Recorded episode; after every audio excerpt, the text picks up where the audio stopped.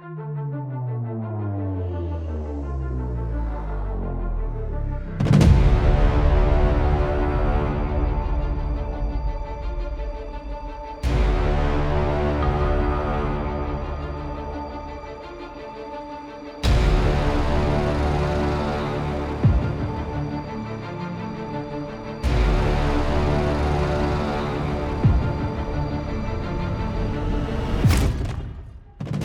Cześć, witam na moim kanale.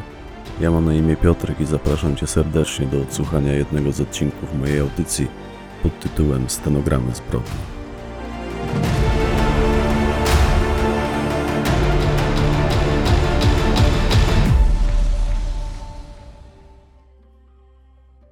Baciar, część trzecia. Fragment stenogramu zeznań Arkadiusza C. Mając na uwadze to, jak Baciar potrafił sobie radzić na ulicy, bo opowieść, którą tu przed panią snuję, w przeważającej mierze dotyczy czasów mocno dla Polski ponurych, to o czym teraz opowiadam wydarzyło się na początku lat 90. No, mówiąc krótko, nie było wówczas szans na to, bym po zmroku mógł samotnie poruszać się krakowskimi ulicami. Zawsze ktoś się do mnie dojebał. Zawsze. Co prawda, połowę lokalnych oprychów znałem, ale drugą połowę nie. Oprócz miejscowych zbójów, sporo też było przyjezdnych, przybyłych do Krakowa na gościnne występy. Zjeżdżali się z całej Polski po szybki, łatwy pieniądz. I takich zwyczajnie należało się bać. Takiemu nie przetłumaczysz, że znasz baciara albo wesołego, bo on ich nie zna, a i poznawać nikogo nie przyjechał. Jego interesuje tylko twój portfel, Walkman lub markowe buty. Gotów ci jest zdjąć je z nóg na terenie zatłoczonego parku, a nawet pośrodku przejścia dla pieszych, gdzie na ciebie naskoczy. I małe masz szanse wyjść z tego bez szwanku. Ulicznicy rozzuchwaleni byli w tamtych latach bardzo. Ofiary dziesiony ścieliły się gęsto, jak i u nas, tak i w całym kraju. Zdarzyło mi się nie raz i nie dwa, kiedy to wracając samotnie po zmroku do mieszkania, musiałem przejść na drugą stronę ulicy, albo zwyczajnie wziąć nogi za pas, bo tak też się zdarzało. Może panią tym zaskoczy, ale samemu będąc jakby mnie nazwali ludzie, typem spod ciemnej gwiazdy, musiałem w pewnym momencie na poważnie wziąć pod uwagę potrzebę zapewnienia bezpieczeństwa sobie samemu. Małolatem byłem i dla bandytów łatwym celem. Spacery po mieście z nożem czy klamką byłyby zbyt przypałowe, bo i policji kręciło się na ulicach mnóstwo, aczkolwiek zawsze nie tam, gdzie trzeba, więc poprosiłem kiedyś baciara, by nauczył mnie bić się, podobnie jak on. Mówię, chciałem umieć o siebie zadbać. A baciar powiedział: idź z tym do wesołego. On bije się o wiele lepiej ode mnie. I zaskoczyło mnie to, bo po wesołym jakichś szczególnych umiejętności bym się nie spodziewał. On taki przygarbiony na co dzień chodził, wiecznie jakby zmęczony. Nieco chorował, miał problemy z pikawą i z krążeniem. Poza tym starszy był to już facet. No nie miał dwudziestu kilku lat. Nie miał też trzydziestu. Z wyglądu przypominał mi trochę mojego sąsiada z dziecięcych lat, wujka mojego kolegi, pana Staszka. Staszek to był taki, no taki właśnie Staszek. I wesoły przypominał mi takiego doświadczonego życiem Staszka. Gdybym go nie znał, a minął go na ulicy w momencie, gdy tyrał, pomyślałbym, że oto skończyła się wachta w jakiejś fabryce i jeden z robotników po dwóch głębszych pałęta się po starówce. Pani wybaczy, ja mówię starówka, bo przywykłem tak mówić, lecz w rzeczywistości w Krakowie starówki oczywiście nie ma. Jest stare miasto i rynek główny będący jego największym zabytkiem, a starówki nie ma. Gdy zapytasz rodowitego Krakusa, gdzie ona jest, to odpowie ci, że w Warszawie. No, ja Krakusem nie jestem. Może gdybym był lub chociaż gdybym wbrew wujkowi skończył jakąś szkołę, to dziś miałbym wiedzę, co jest starówką, a co nie bo dowiedziałem się, że Kraków jej nie posiada dopiero niedawno, tu, w areszcie, gdy wpadł mi w ręce przewodnik po tym mieście. Wcześniej myślałem inaczej. No cóż, jak mawiał Baciar, człowiek uczy się całe życie, a najlepszą szkołą jest puls ulicy. Biorąc pod uwagę moje braki w elementarnej wiedzy, nie do końca mogę się z nim zgodzić. Więc ten mój przysłowiowy Staszek wel wesoły zgubił się na rynku i teraz tak się kręci i krąży. I pomyliłaby go pani z jakimś robotnikiem, widząc go, a nie znając. Z elektrykiem, ślusarzem, mechanikiem. On doskonale wtopiłby się w tłum pracowników jakiejkolwiek fabryki z tą swoją pospolitą, pokrytą bruzdami twarzą, sporym wąsem i niedbałym uczesaniem. tyrając zawsze napominał mi właśnie kogoś takiego, takiego zwykłego, poczciwego gościa, robotnika. Tyle, że charakterem i czynem daleko mu było do ludzi poczciwych, a i w przeciwieństwie do nich chodził od czasu do czasu bardzo bogato odziany. Niekiedy za bardzo. Bo on co którąś niedzielę brał sobie wolno od Tyrki i wyruszał poza Kraków, do Warszawy, Sopotu, Gdańska czy do Wrocławia, czyli wszędzie tam, gdzie go zbytnio nie kojarzono, by tam pożyć trochę zakradzione. Jakby powiedziała młodzież, trochę się polansować. Tak, kradzione. Ja nigdy nie miałem problemu z tym, by przyznać, że zadawałem się ze złodziejami, że sam nim jestem, że jestem doliniarzem, że kradłem i rabowałem. Nigdy nie miałem z tym problemu, nie wstydzę się tego. Może mi pani nie wierzyć, ale naprawdę nie mam pretensji, gdy ktoś nazywa mnie złodziejem, a nawet bandytą. Tak widocznie było mi pisane już tego nie cofnę. Zresztą, nawet mając taką możliwość, nie zrobiłbym tego. Co sobie pożyłem, to moje.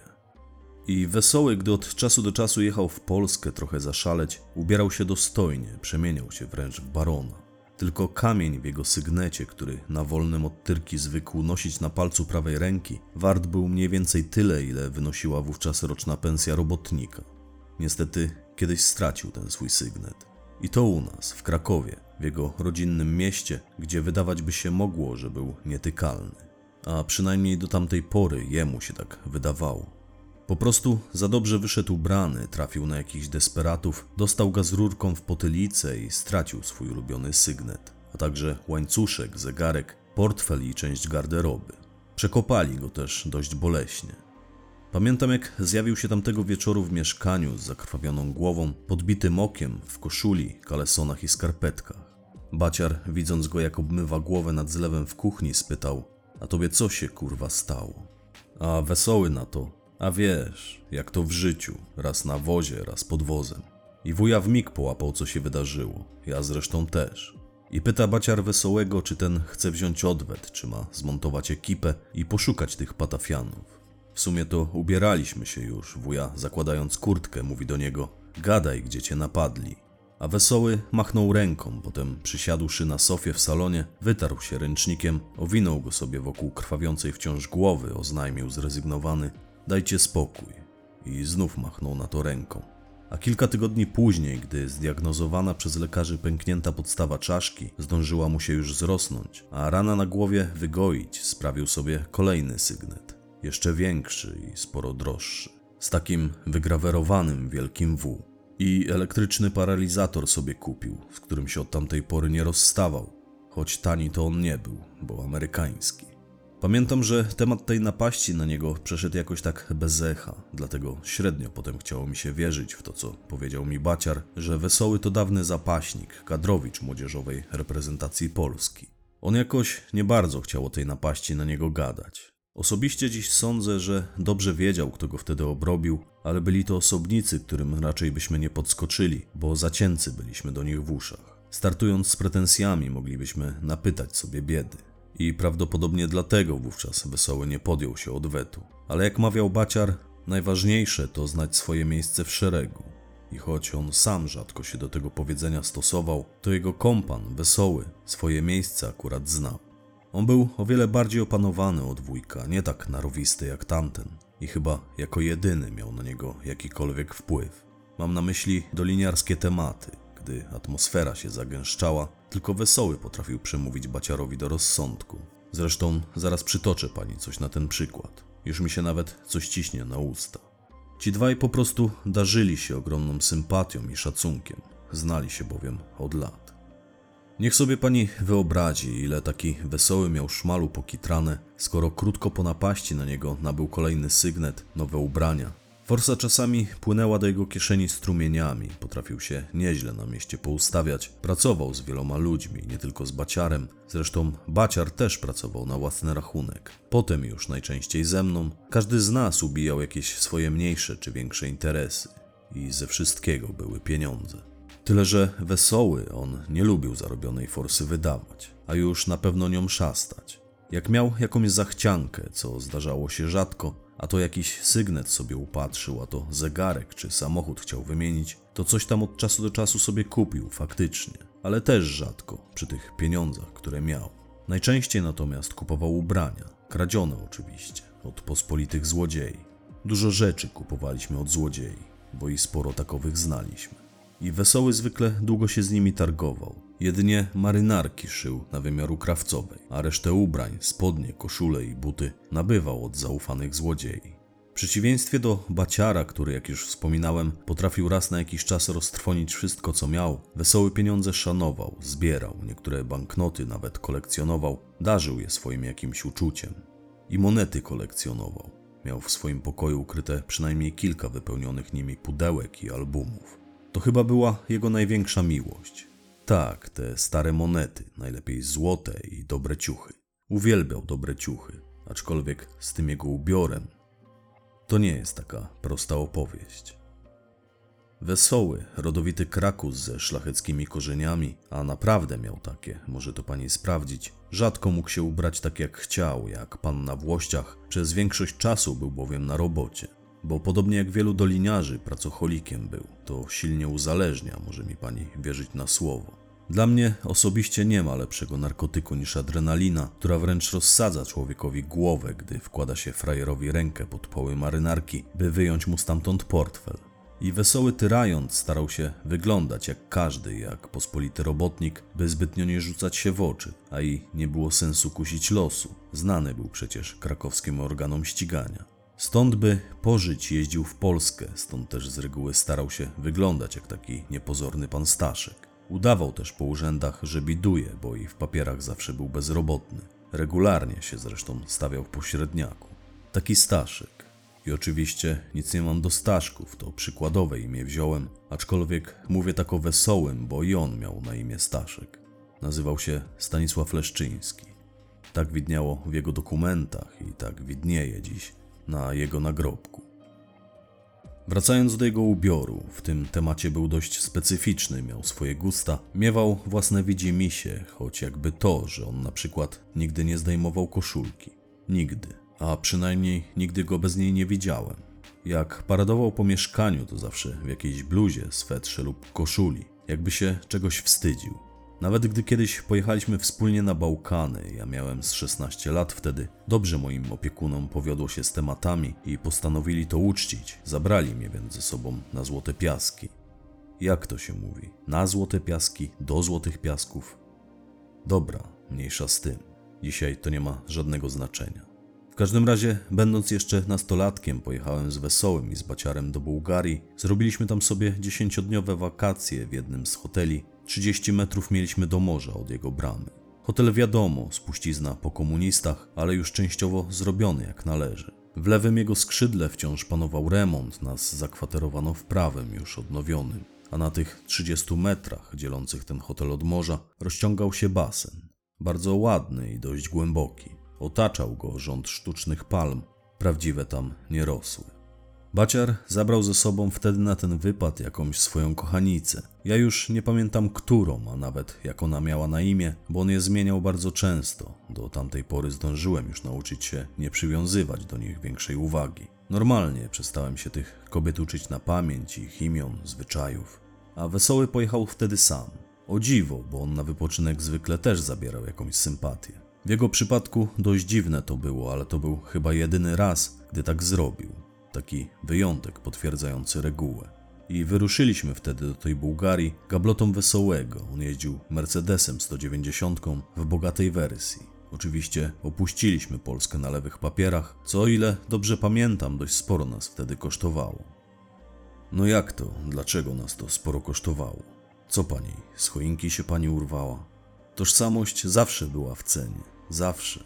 Dziś tym bardziej potrafi osiągać horrendalne ceny.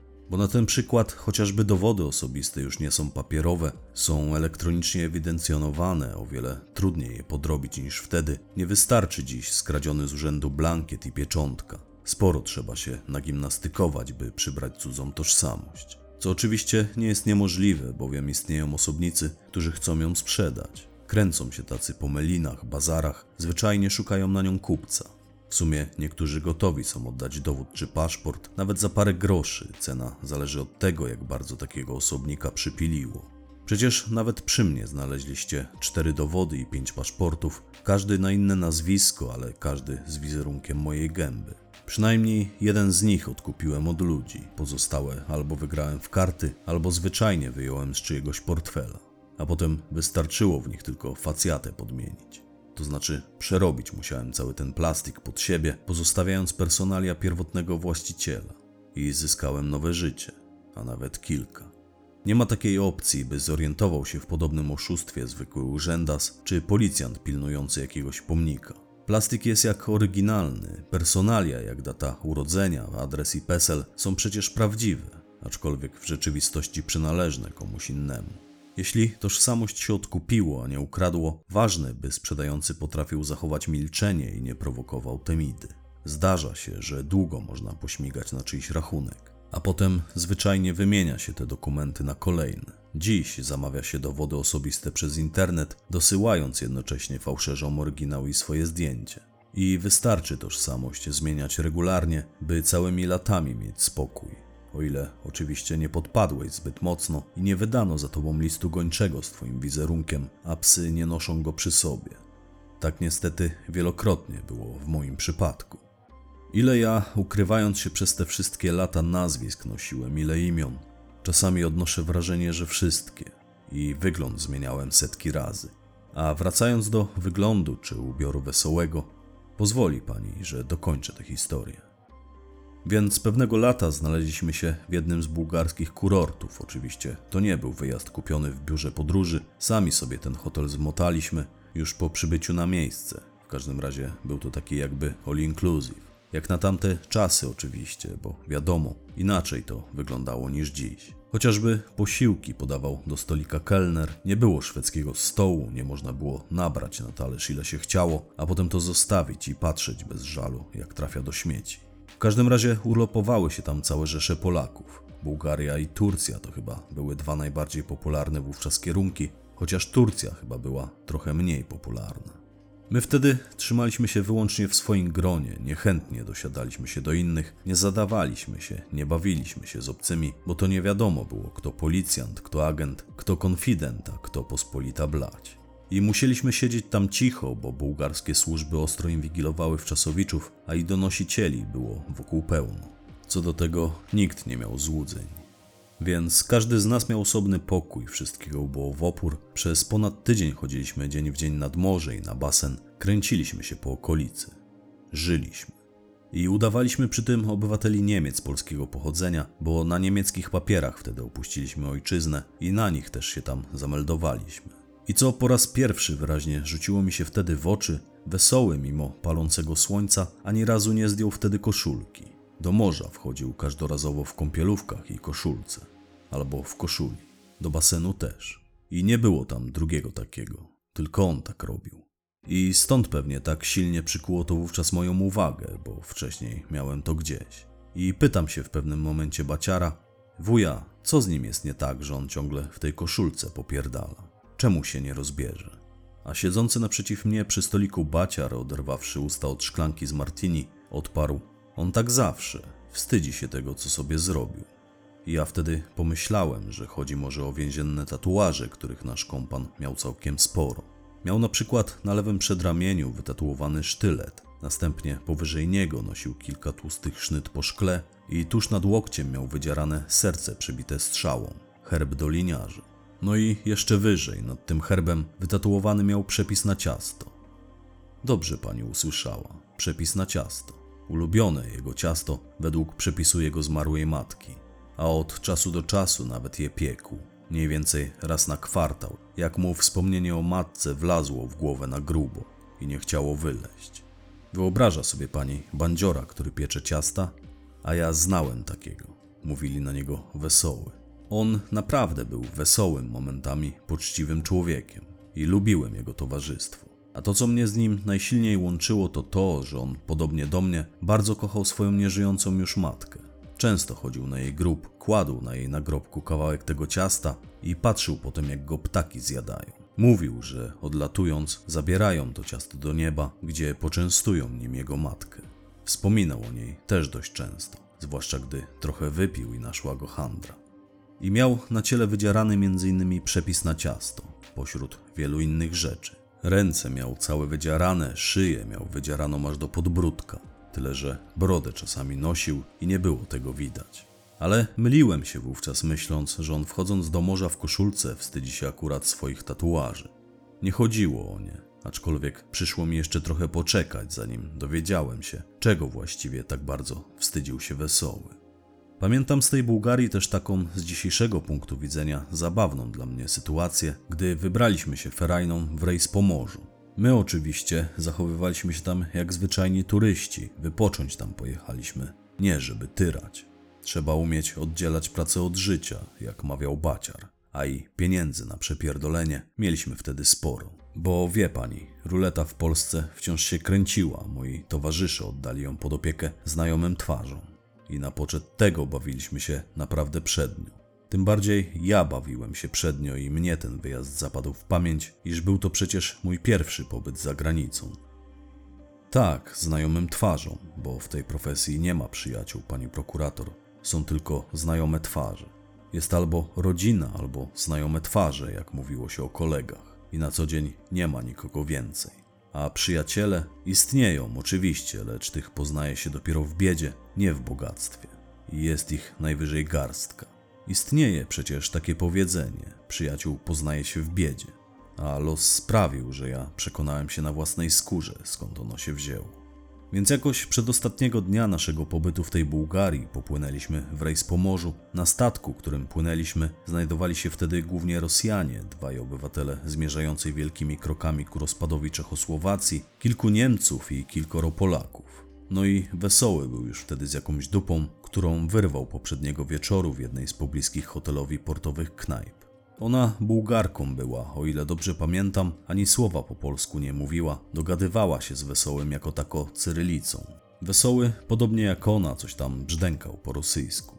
I na tym statku siedzieliśmy wokół stolika na górnym pokładzie, łapczywie chwytając palące promienie słońca i zamieniając je w beztroskie chwile. Wiedzieliśmy, że po powrocie czeka nas wzmożona tyrka, przecież trzeba będzie odrobić to, co się roztrwoniło. Wesoły nawet zapisywał sobie, ile wydał, żeby mieć podkładkę pod to, ile potem powinien odrobić. No on jebnięty był na punkcie oszczędzania. Oszczędny doliniarz się znalazł. Śmiały się z niego wszystkie znajome twarze. I płynął z nami taki jeden typ na tym statku, Polak, mocno napakowany, kafar taki, a do tego zakapior z twarzy straszny, rzec by można bandyta pełną gębą. I tak też wynikało z jego słów, że jest bandytą, bo lubił głośno pochwalić się tym, czym się zajmuje. Chyba już wszystkim zdążył się do tamtej pory pochwalić, że pochodzi z Pruszkowa i handluje samochodami. On tam chyba kupców szukał na ten swój kradziony szrot na tym statku. Mniejsza z tym. W każdym razie mieszkał w tym samym hotelu co my i kojarzyliśmy jego mordę już wcześniej. Byliśmy świadkami jego karygodnych czasami wybryków, zaprzaństwa i chamstwa. On popłynął w ten rejs ze swoją kobietą, taką sympatyczną nawet, obwieszoną złotem blondynką. A i on sam był obwieszony złotem, nosił na szyi potrójny złoty łańcuch, taką plecionkę ze zwisającym u dołu symbolem amerykańskiego dolara. Pamiętam, jak silnie błyszczał ten łańcuch w tym słońcu. To było z pewnością pół kilograma złota, jak nie więcej. I wizualnie robiło świetną robotę. Ciężko było oderwać od tego łańcucha wzrok. I w pewnym momencie zaczęła krzątać się wokół nas taka mała bułgarska dziewczynka. Ile ona mogła mieć, ja wiem? Ze cztery, z pięć lat. To była córka kapitana tego statku, znaczy tej łajby. Tak wywnioskowałem, bo wcześniej trzymała się blisko niego. A ten statek to nie był taki, jak pewnie pani sobie wyobraża. To krypa taka rozpadająca się była. To był kuter rybacki przerobiony na statek pasażerski. Chałupniczą metodą dospawane piętro stanowiło górny pokład dla gości. Dość groteskowo to wyglądało, ale cóż, przecież płynęło. I ta dziewczynka na stolikach, przy których siedzieli pasażerowie, porozkładała bransoletki. Takie średnie te bransoletki były, bo to były takie drobne drewniane koraliki na sznureczku, dość kanciaste, ale ona chyba sama je robiła i sprzedając je później, najwidoczniej coś tam sobie zarabiała. Do dziś pamiętam, jak kiepsko była ubrana w sensie ubogo. Stopy miała bose, brudne i pokaleczone, bo podłoga na tym statku była metalowa, zniszczona, w wielu miejscach wystawały z niej ostre zadziory, a ona nawet nie miała butów. I ludzie brali od tej dziewczynki te bransoletki, w zamian wciskali jej do kieszonki pomiętej i brudnej sukienki, którą miała na sobie, kilka lewów, marek czy dolarów. I pamiętam, że ten typ, ten bandzior, bo on siedział na wprost nas przy przeciwległej burcie, on minimum dwa razy pytał tę dziewczynkę, ile sobie liczy za te koraliki. A ona pewnie i tak niewiele z tego rozumiejąc, na palcach mu pokazywała, że pięć. I chodziło jej raczej o bułgarską walutę, o lewy, bo pięć marek czy dolarów to byłoby nadto. Cały ten statek był wart chyba niewiele więcej. Dosłownie. I każdy dawał tyle, ile chciał, natomiast nikt mniej niż piątaka, bez względu na walutę, bo jedni mieli marki, inni dolary, jak to na wakacjach. Nikt pięciu dolarów czy pięciu marek nie pożałował. Ja też nie, mimo że ta bransoletka, którą tam nabyłem, ja jej wcale nie potrzebowałem. Ona mi się w ogóle nie podobała. Pięć dolarów to było dość sporo jak za taką pamiątkę, ale przyglądając się tej dziewczynce nie sposób było jej tyle nie dać. A ten Boots, ten bandzior, zgarnął ze stolika dwie czy trzy te bransoletki, po czym schował je do torebki swojej partnerki, pogrzebał w jej portmonetce i dał tej dziewczynce jakieś grosze. Przywołał ją skinieniem ręki, a gdy ta podeszła, sypnął jej na dłoń dosłownie tylko kilka jakichś miedziaków. A my wiedzieliśmy, że on jest dziany, bo co wieczór widywaliśmy go przy hotelowym stoliku pijącego szampana, jak też codziennie widywaliśmy go, jak szalał na skuterze wodnym nieopodal plaży. A to kosztowało przecież. W kurortach nie ma nic za darmo. Biedni szampana nie piją, jak mawiał baciar. Poza tym nie umknęło moim oczom, gdy typ kilka razy otworzył saszetkę, bo on nosił przewieszoną przez klatkę piersiową saszetkę, a w niej portfel z dokumentami i z forsą, więc gdy tam zajrzał raz czy dwa na tym statku, ja też rzuciłem okiem na zawartość jego portfela. No takie już wtedy miałem zboczenie zawodowe, proszę pani. Trudno, nic nie poradzę. Zaglądam ludziom do portfeli. I widziałem, że on tam miał jeszcze sporo dolarów wtedy. I gdy tylko baciar spostrzegł, że on wręczył tej dziewczynce jakąś jałmużnę, a kiedy ta upomniała się o więcej, odgonił ją, machnąwszy na nią ręką, i ona poszła. Taka smutna, pamiętam, zawiedziona. Popłakała się zaraz ojcu w nogawkę, ten tylko odwrócił się ku oprychowi, ale nie zareagował, bo trzymał przecież ster. I baciar ujrzawszy tę scenę, dość długo wlepiał wzrok w tego bandytę. Ja widziałem, jak on się bije z myślami. I nagle podniósł się z ławki, wskazał tego oprycha palcem i mówi: Ty, czemu dziecko oszukałeś? Zapłać tyle, ile się należy. A typ w pierwszym momencie się speszył, że ktoś go przyciął, ale zaraz odzyskał rezon i wystartował do baciara z gębą. Powiedział, a właściwie to wykrzyczał, że on nie da więcej, bo trzyma kasę, żeby sobie kupić trochę złota do Polski. Dosłownie tak powiedział, że nie da tej dziewczynce, bo on chce kupić sobie złoto. A co drugie jego słowo brzmiało kurwa.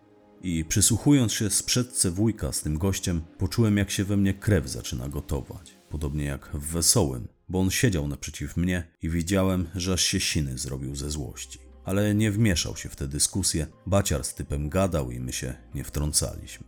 A pozostali pasażerowie tylko zerkali na nich przez palce. Pamiętam, jak już nawet baciar się ugotował i przez zaciśnięte zęby rzucił, a mnie koło chuja lata, co ty musisz sobie kupić, frajerze. Daj dziecku pieniądze. I typ mu na to, że nie da. I że jak baciar chce, to może z nim ewentualnie wyskoczyć na solo. Tak, proszę pani, kafar się spiął, aż mu piana z pyska poleciała, aż zaczął gubić słowa. I wuja już się na niego szykował, podał mi drinka, którego trzymał, zaczął rozpinać koszulę, ale wmieszał się w to wszystko wesoły, przetłumaczył mu, by sobie typa odpuścił. Do dziś pamiętam, co powiedział wujkowi. Daj spokój, powiedział. Ubabrasz się w gównie, a pójdziesz siedzieć jak za człowieka. No i wiadomo, nie chcieliśmy przecież za granicą robić rodakom wiochy, a tym bardziej sobie przypału. Nikt nie jeździ na wakacje, by tam szukać guza. I baciar jeszcze chwilę z tym bucem podyskutował, by ostatecznie odpuścić, aczkolwiek widać było, że przychodzi mu to z trudem. Dłuższą chwilę głośno dyszał i nie mógł się uspokoić. A kiedy wreszcie się uspokoił, gdy wydawać by się mogło, że już jest po temacie, przyszło mi coś do głowy. Spojrzałem najpierw na wesołego, potem na baciara, zawiesiłem na nim wzrok, ten dopiero po chwili pojął, dlaczego na niego patrzę. I uśmiechnął się pod nosem, potem mrugnął do mnie okiem, dając mi tym samym zgodę na to, co w tamtym momencie przyszło mi do głowy. On widocznie miał w głowie to samo. Doliniarze porozumiewają się w ten sposób, proszę pani. Prawe oko zgoda, lewe wtopa. Wiejemy. Dwukrotne mrugnięcie lewym wiejemy natychmiast. No, mnóstwo tego jest, istnieje cała paleta doliniarskich komunikatów, nie będę się teraz nad tym rozwodził. To i tak są komunikaty z reguły umowne. W każdym razie do dziś dokładnie pamiętam myśl, która mi zaświtała, gdy ten typ raz po razie uparcie powtarzał, że nie zapłaci temu dziecku, bo złoto sobie chce kupić. Jakby go kurwa miał mało, bo on i jego partnerka wręcz obciekali złotem. Pamiętam jak baciar mrugnął do mnie okiem, przeniosłem wówczas wzrok na tego faceta, słysząc jak mówi do swojej partnerki, która chyba wciąż czuła się zażenowana tą całą sytuacją i kolejny raz próbowała tego typa przekonać, by dał dziewczynce choć kilka dolarów. A ten po raz kolejny, tym razem już tylko do niej powtórzył, bo on jak mantrę powtarzał, że nie może wydać za dużo pieniędzy, bo zamierza kupić sobie złoto. I patrząc wtedy na tę jego zakazaną gębę, pomyślałem, no to już sobie kupiłeś.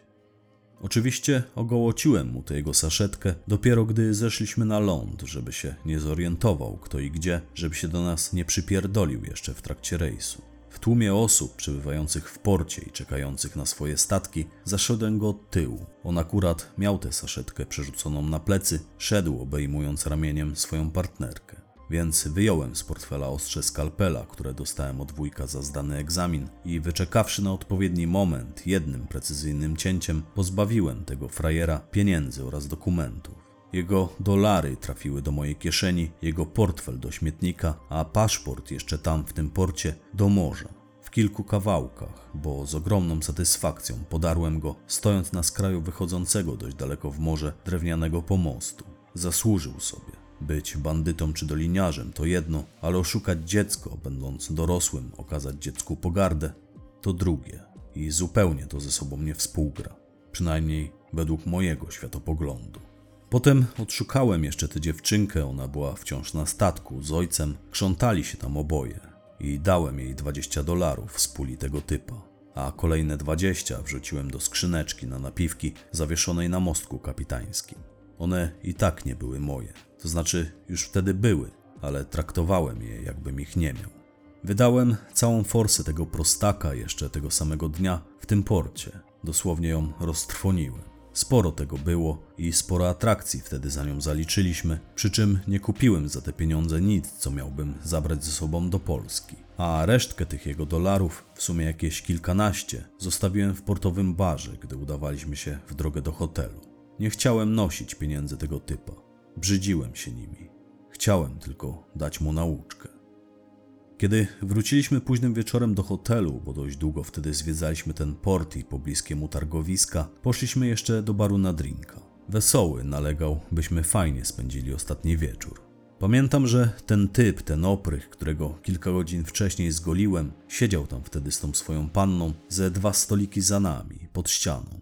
I minę miał nietęgą. Pewnie zastanawiał się, jak wróci do Polski bez forsy lub jak przekroczy granicę bez dokumentów. A co gorsza, bez złota, o którym tak marzył, a którego już raczej nie zdoła sobie kupić. I posiedzieliśmy trochę przy stoliku, pograliśmy w kości, potem ja, Baciar i jego wybranka udaliśmy się do swoich pokoi, a Wesoły wraz z jego nowo poznaną sympatią jeszcze zostali. Jak powiedział, to ostatni nasz wieczór tutaj, a mnie ciężko rozstać się z tym miejscem. Pozwólcie mi jeszcze sobie tu posiedzieć. Więc zostawiliśmy ich tam.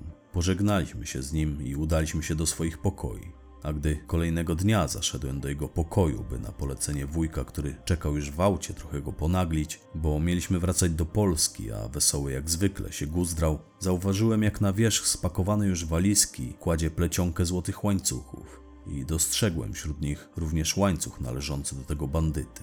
No, nie sposób było go nie zauważyć. Stanąłem wtedy jak wryty, bo mieliśmy podczas urlopu nikogo nie golić. Taka była umowa, a wesoły najwidoczniej mocno się wyłamał. Widząc, że ja już wiem, spojrzał na mnie, uśmiechnął się szyderczo, zamknął walizkę, podchodząc do mnie, wyjął z kieszeni kilka lewów, wręczył mi je, po czym z wciąż wymalowanym na twarzy szelmowskim uśmiechem podał mi walizkę i rzekł: Zanieś to chłopcze do auta, tylko bądź łaskaw i nie mów nic baciarowi. Ja oczywiście nie umiałem się powstrzymać i zaraz wujkowi się poskarżyłem. Śmialiśmy się potem całą drogę, że wesoły nie potrafił sobie odpuścić włamów nawet na urlopie, ani tego typa, bo z tego co ujrzałem w jego walizce wynikałoby, że on co wieczór kogoś obrabiał. A kiedy wróciliśmy do Krakowa, wyjmując z auta swoją walizkę, Baciar zagaił Wesoły, mam tylko nadzieję, że tam żadnego frajera nie wpierdalają teraz ryby w tym porcie. Chciałbym tam jeszcze móc kiedyś wrócić. I nasz kompan odparł, że nie, że nic takiego nie wchodzi w grę. I nawet ten bandyta z Polski z pewnością ma się dobrze, być może tylko zastanawia się, jak mógł tak twardo zasnąć, że nawet nie poczuł, gdy ktoś mu ten łańcuch zdejmował.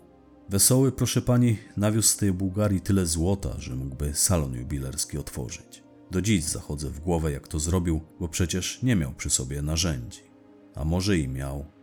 I taki właśnie był wesoły, niepozorny taki Staszek. Każdy doliniarz marzy, by być taki jak on.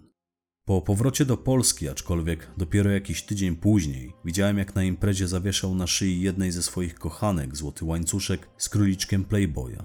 Dokładnie taki, jaki nosiła partnerka tamtego bandyty. Wesoły tamtego wieczoru zrobił ich oboje. Później opowiedział nam, jak to się wszystko odbyło. Wyznał, że wychodząc z pokoju hotelowego tych dwojga, zabrał nawet spodnie i buty należące do tego faceta i że zrobił to w zemście za tę bosonogą dziewczynkę. A trafiło to wszystko potem do śmietnika. Moim zdaniem nawet bandyci powinni mieć na uwadze, że raz na jakiś czas warto być uczciwym. Są bowiem w życiu takie momenty, kiedy trzeba, bo karma wraca, jak mawiał Wesoły. Osobiście uważam, że czasami nawet po stokroć. I typ powinien być wdzięczny Panu Bogu, że baciar się wtedy nie odpalił na dobre na tym statku. Nie zdawał sobie sprawy, na kogo trafił i jak ponuro to się mogło dla niego skończyć, bez względu ani na to, kim on był, ani na jego gabaryty. Ja w pewnym momencie w trakcie tej ich sprzeczki przyuważyłem, jak baciar zakłada pod stolikiem kastety na dłonie. Tak on się już na niego poważnie szykował. Potem jak wesoły te chryje ugasił niepostrzeżenie, zdjął je i schował z powrotem do swojej torby. Wuja słynął z tego, że ma bardzo krótki ląd i nie należało bawić się w jego otoczeniu zapałkami. Nie lubił, jak się go wyzywa. Nie znosił też sprzeciwu. I jeszcze jedna rzecz mi się teraz przypomniała, która wydarzyła się wówczas w tej Bułgarii. Któregoś dnia wylegiwaliśmy się nad hotelowym basenem. Każde z nas zajęte było sobą. Wesoły rozwiązywał sobie krzyżówkę, palił papierosa, popijał drinka. Podobnie jak towarzyszka Baciara, a i on sam. I jakiś typ z leżaka obok zaczął do nas krzyczeć, że mu dym śmierdzi i żebyśmy przestali palić. To też był nasz krajan. I pamiętam, że wesoły grzecznie tego faceta przeprosił, odłożył krzyżówkę, zgasił papierosa, przy czym wybranka baciara zachowała się podobnie. Zgasiła cygaretkę, wstała z leżaka i poszła do basenu. Tyle, że odchodząc coś tam do tego człowieka jeszcze odburknęła. No taki miała charakter, jak to kobiety wujka. A ten facet widocznie poczuł się jej słowami urażony i durny polazł za nią. Gdy wstał z leżaka, okazało się, że jest mocno podchmielony, szedł chwiejnym krokiem, być może stąd też włączył mu się taki bohater, by do kobiety wystartować. Niestety nie wiedział, czyja to kobieta. I stanąwszy nad brzegiem basenu, bo ona już zdążyła do niego wskoczyć, ten facet zaczął się wydzierać, po prostu wulgarnie zaczął drzeć do niej mordę. Ewidentnie szuka guza, powiedział wesoły, przyglądając się tej scenie. A baciar najpierw się wyprostował, a potem aż zdjął okulary z nosa, by się temu lepiej przyjrzeć. Gdy ruszał swojej wybrance z odsieczą, odkładając okulary na stolik, wydukał tylko: No kurwa, nie wierzę. I poszedł. Jeszcze na dzień dobry sprzedał temu facetowi siarczystą golony na karczycho, potem brutalnie szarpnął go za włosy, odciągnął z nad brzegu basenu, po czym obrócił go twarzą do siebie i wdał się z nim w zbędną jak dla mnie dyskusję. Słyszałem jak mówi do niego, o co ci biega, przecież kolega cię przeprosił. A facet zamiast odpuścić, bo każdy normalny człowiek pokajałby się w tym momencie i zniknął nam wszystkim z oczu, facet na to, że chuj go to obchodzi i brnął dalej. Brzydko nawyzywał wujka i jego kobietę. I baciar mówi: Aha, chuj cię obchodzi, tak? Po czym przybliżył się do niego, takie bokserskie face to face złożyli, przepychając go czołem, rzekł, a już mocno był rozwścieczony: Czego ty nie rozumiesz, śmieciu? I zanim tamten zdążył cokolwiek odpowiedzieć, jak mu baciar nie pociągnie z główki. Facet upadł na kolana, ale wujek popchnął go nogą i ten wpadł do basenu. Po krótkiej chwili walki z żywiołem złapał równowagę, stanął na nogach. W tym czasie woda wokół niego zdążyła zrobić się czerwona, jakby pokąsał go rekin. Było wtedy w tym basenie mnóstwo ludzi, którzy akurat w tym momencie błyskawicznie zaczęli się rozpierzchać. Jucha ciekła temu facetowi z nosa, jak na świniobiciu. Aczkolwiek podpity był to i ciśnienie krwi miał spore. I on już ani słowem nie odważył się odezwać. Podpełznął do drabinki, wyszedł z wody i ominąwszy szerokim łukiem wciąż stojącego nad brzegiem basenu baciara, wrócił na swoje miejsce, by tam zatamować krwotok ze złamanego nosa, w zupełnej ciszy. Pamiętam tę niezręczną ciszę, która zapadła, gdy to się wydarzyło. Wcześniej ludzie bawili się, śmiali, dzieci dookoła harcowały, a nagle pojawiła się ta przenikliwa cisza. Na tyle nawet poczuliśmy się nieswojo przez tę ciszę, że zaraz się stamtąd zawinęliśmy. Na szczęście obyło się bez konsekwencji, facet nikomu się nie poskarżył. Mówię, baciar miał krótki ląd, stale trzeba było go pilnować, a zapanować nad nim potrafił tylko wesoły. I to były inne czasy, takie sytuacje jak ta z Łodzi czy z nad basenu przytrafiały się na porządku dziennym. To były lata dziewięćdziesiąte i ten nieposkromiony charakter baciara. Wesoły wielokrotnie mu powtarzał, że on go kiedyś zgubi. Wracając do początku moich dzisiejszych zeznań, do sedna tego, od czego tak odbiegłem, Wesoły poproszony, by nauczył mnie o siebie zadbać, znalazł dla mnie trochę czasu. Przez kilka miesięcy popołudniami chodziłem z nim na salę do ćwiczeń, mieszczącą się w pobliskim naszej kamienicy liceum. I tam przekonałem się, że on faktycznie był w młodości mistrzem Polski w zapasach. Tak, ten niepozorny, styrany życiem pan. Jego wschodzącą karierę przerwało mu niestety zamiłowanie do popełniania przestępstw i kolejne kary więzienia. Pamiętam, że kiedyś w trakcie treningu na macie powiedziałem do niego: Ja bym chciał bić się tak jak wujek, z kastetami. Wesoło odrzekł: Kastet i tak do niczego ci się nie przyda, jeśli nie będziesz miał odwagi do walki. Najpierw spróbuj się nauczyć odpierać ataki, a jak się okaże, że jesteś na to za słaby, pomyślisz o rekwizytach. I obaj uznaliśmy, że to bardzo dobry pomysł. Może nieskromnie to zabrzmi, ale całkiem nieźle szły mi te zapasy i dałem sobie spokój z kastetami. Miałem w końcu dobrego trenera, mimo że ze względu na swój stan zdrowia i lekką nadwagę, kondycję miał już kiepską i nie ruszał się jak należało. Ale dryk miał, znał techniki, dawał radę i sporo udało mu się mi przekazać. Dobrze te moje treningi wspominam. W ogóle dobrze wspominam wesołego. Nawet gdybym chciał, nie potrafiłbym powiedzieć na niego złego słowa ale mogę o nim powiedzieć jeszcze chociażby to, że był erudytą. Posiadał rozległą wiedzę encyklopedyczną, najtrudniejsze krzyżówki rozwiązywał w mig. Wuja śmiał się z niego, że nauczył się tego w więzieniu, ale on się nie obrażał. Przecież taka była prawda. Nagadałem się, proszę pani. Mogę szklankę wody? A może jest coś, o czym pani chce usłyszeć? Bo ja tak wciąż gadam i gadam i w sumie nie wiem, na ile te informacje są pani przydatne. Być może mówię o czymś, o czym pani wcale nie chciała usłyszeć. Mniej szczegółów, więcej zdarzeń, żeby mi pani mogła postawić więcej zarzutów, tak? No to o czym mam teraz mówić? O lolku? No to niech będzie o lolku. Aczkolwiek zdziwiony jestem, że chce pani posłuchać akurat o nim. No trudno, zobowiązałem się mówić, więc niech będzie i o lolku. Tyle, że to strasznie pogmatwana historia, jak on sam. Poznałem Lolka pewnej zimy. Siedzieliśmy wtedy w mieszkaniu, w milczeniu graliśmy w karty, w tle dźwięczał telewizor.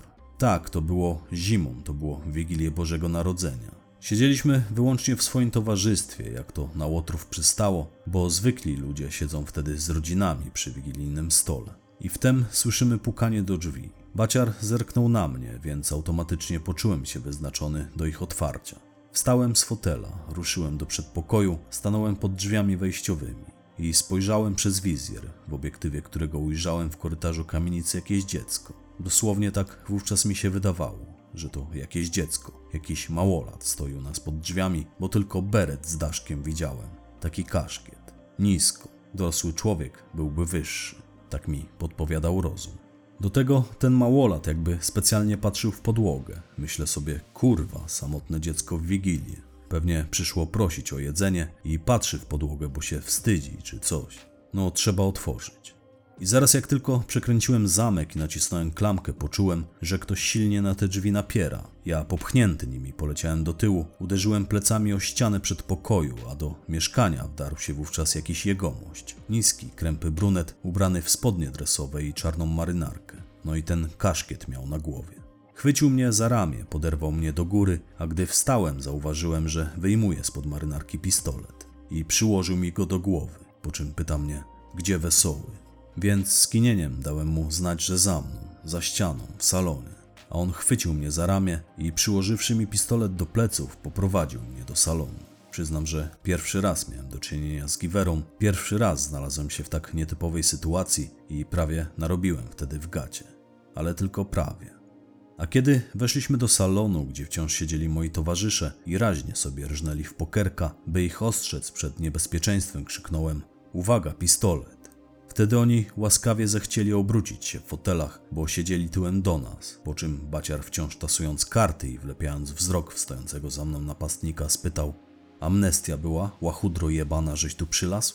I wówczas intrus opuścił pistolet, w sumie nie tyle opuścił, co wręcz przeciwnie, uniósł go do góry, mówiąc Kurwa, miałem nadzieję, że mnie nie rozpoznacie. Po czym dodał Mordy, ja się tylko tak wygłupiam. I unosząc znów pistolet w górę, zawieszając go za kabłąk na palcu wskazującym, rzekł Zabawkowy. Zabrałem go przed chwilą jakiemuś dzieciakowi. Widocznie dostał od starych pod choinkę. Kiedy ja usłyszałem, że ten pistolet jest zabawkowy i dotarło do mnie, że ten typ nie jest moim towarzyszom obcy, z całej siły mu się odwinąłem. Otrzymał ode mnie cios w skroń, ale pięść mi się prześliznęła po jego gębie i dostał w nos. I jak mu jucha nie buchnie z tego nosa. No kino, kurwa. Pamiętam jak baciar poderwał się z fotela, wrzeszcząc nie na dywan do chuja, idź krwawić do łazienki. I tak poznałem Lolka, pani prokurator. To było przedstawienie iście w jego stylu. Tyle, iż on myślał, że w związku z jego pojawieniem się ktokolwiek będzie klaskał w dłonie. A tu nic takiego się nie wydarzyło, bo Lolek nie był lubiany, zwłaszcza przez baciara. To był taki narwaniec, harpagan, wiecznie podskakująca noga. No i kawał chuja to był. Tak mawiał baciar. Prawda była taka, że moi towarzysze skądś już wiedzieli, iż poprzedniego dnia Lolek wyszedł na warunkowe i spodziewali się go. Z tego co pamiętam, niech mnie pani poprawi, jeśli się mylę, Lolek odsiedział wtedy ze trzy lata. On mimo swojego niskiego wzrostu, narowisty był zawsze, taki cwaniaczek z niego był. I kiedyś w knajpie wespół ze swoimi ziomkami pobił jakiegoś jego mościa, a żeby zaakcentować w tym swój udział, zgasił ofierze papierosa wokół. I za naniesienie trwałego uszczerbku na zdrowiu, a także udział w bójce, sąd klepnął mu piątaka. Opuścił natomiast mury więzienia po trzech latach. On mówił, że za dobre sprawowanie, ale Baciar twierdził, że za donosicielstwo. Baciar uważał Lolka za konfidenta i między innymi dlatego się z nim nie lubił zadawać, a i mnie krótko potem zabronił. W każdym razie ten osobnik był przyjacielem Wesołego. W przeszłości chodzili razem do szkoły i Wesoły chyba ze względu na starą znajomość, mimo że Lolek nie był osobnikiem godnym zaufania, ani nawet podania ręki mu nie był godzien, jak mawiał Baciar, mimo to Wesoły czuł do niego na swój sposób sympatię. No i działali w przeszłości w duecie. Stąd być może sentyment Wesołego do tego człowieka. Pamiętam, jak on się zjawił w naszym mieszkaniu, już zatamował krwotok z nosa, a potem usiadł w salonie na kanapie. Baciar, który chwilę wcześniej na niej przysiadł, ostentacyjnie podniósł się z niej, stanął nad nim, powiedział: Wiesz, że nie jesteś tu mile widziany i że gdyby młody nie powitał cię cepem, to ja bym to zrobił. A Lolek mówi: Wiem, ale nie miałem się gdzie podziać. Mróz jak cholera. I wiem, że pewnie nie skończyłoby się wtedy wyłącznie na rozbitym nosie, ale nie miałem gdzie pójść, naprawdę a odegrałem ten teatrzyk, by was trochę rozweselić. Oddam ci pieniądze, baciar, obiecuję, że oddam co do grosza, mówił. I ja wtedy zrozumiałem, co jest przyczyną ogromnej niechęci wujka do niego. A jakiś czas później dowiedziałem się też szczegółów. Lolek w przeszłości oszukał baciara na dużą kwotę i przed zgubą wyratowało go wyłącznie wstawiennictwo wesołego aczkolwiek nie wiem, czy to skończyłoby się na pobiciu. Baciar szczerze Lolka nienawidził, w każdym momencie gotów był go rozszarpać gołymi rękoma i dawał temu świadectwo na każdym kroku. Wielokrotnie czułem, że tylko szuka ku temu jakiegoś powodu. Łachmyta było chyba najłagodniejszym określeniem, jakim go nazywał, a ten od momentu, jak opuścił więzienie, bywał u nas dość często, uczepił się wesołego, jak rzep psiego ogona. Gdy on się u nas pojawiał, baciar zaraz wychodził. No chyba, że wujek był po dużej wódce, to Lolek wychodził zaraz jak tylko wszedł. Ewidentnie miał na uwadze to, jak szybko baciar może się odpalić. Bał się go i to było widać. Pamiętam jak kiedyś wujek go nie pogonił i jakoś tak wyszło, że obaj w swoim towarzystwie dość sporo wypili. Na przechwałki Lolka wujek zareagował słowami A co ty kurwa potrafisz ukraść, altaniarzu? Portmonetkę staruszce czekającej w kolejce do lekarza? I widziałem, że Lolka to niezwykle zabolało, ale słowem się nie odezwał. Zaraz też wyszedł po angielsku.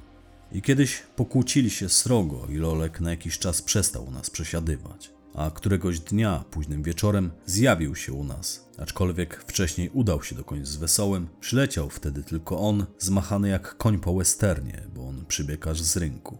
Zaraz jak tylko otworzyłem mu drzwi i wleciał do mieszkania, widząc wujka rzucił Baciar, ratuj, wesoły potrzebuje twojej pomocy. Cała nasza doliniarska braciej potrzebuje. Ratuj nasz honor. I więcej ani słowa nie powiedział, tylko dyszał. A kiedy wujek odparł mu, że on nie jest doliniarzem i żeby sobie nie dosładzał, stwierdził tylko, że jak z nim pójdziemy, to wesoły powie nam wszystko na miejscu, bo on na nas czeka.